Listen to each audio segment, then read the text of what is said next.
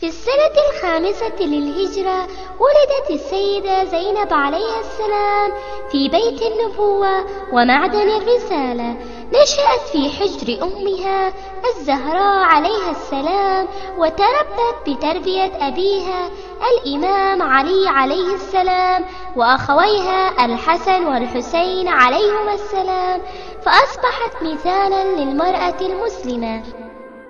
حينما بلغت عليها السلام السادسة من عمرها فقدت أمها الزهراء عليها السلام فحرمت عاطفة الأم ولكنها صبرت وانصرفت لرعاية شؤون والدها وأخويها الحسن والحسين عليهما السلام. كبرت السيدة زينب عليها السلام وبلغت سن الزواج.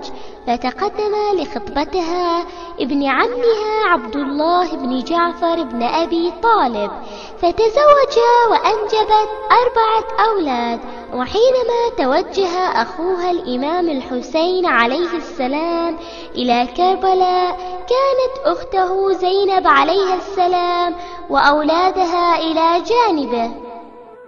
في ساحة كربلاء كانت للعقيلة زينب عليها السلام مواقف شجاعة فكانت تشجع الرجال وترعى النساء وكانت تحس بالحزن والألم حينما تشاهد الأطفال والشيوخ يقتلون إلى أن بقي أخوها وحيدا في ساحة المعركة.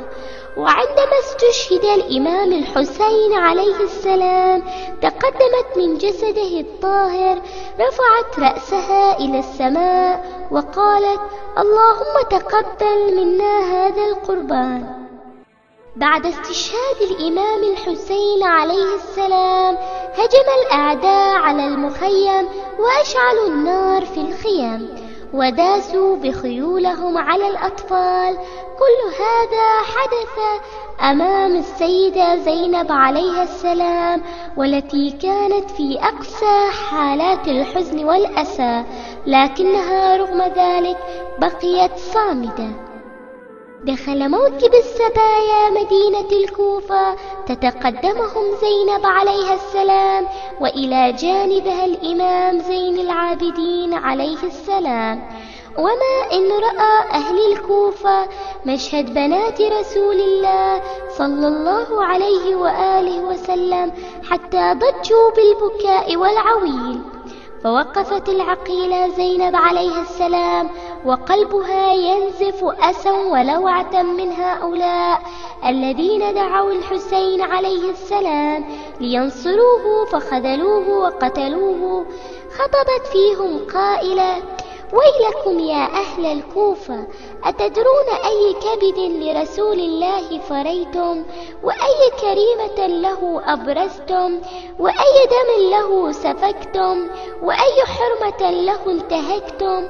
لقد جئتم شيئا إدا تكاد السماوات يتفطرن منه وتنشق الأرض وتخر الجبال هدا بقيت ثورة الإمام الحسين عليه السلام في كربلاء خالدة على مر العصور وذلك بفضل مواقف السيدة زينب عليها السلام حين وقفت بوجه الطاغية يزيد وقالت فكد كيدك واسعى سعيك وناصب جهدك فوالله لا تمحو ذكرنا ولا تميت وحينا فالحمد لله الذي ختم لأولنا بالسعادة ولآخرنا بالشهادة.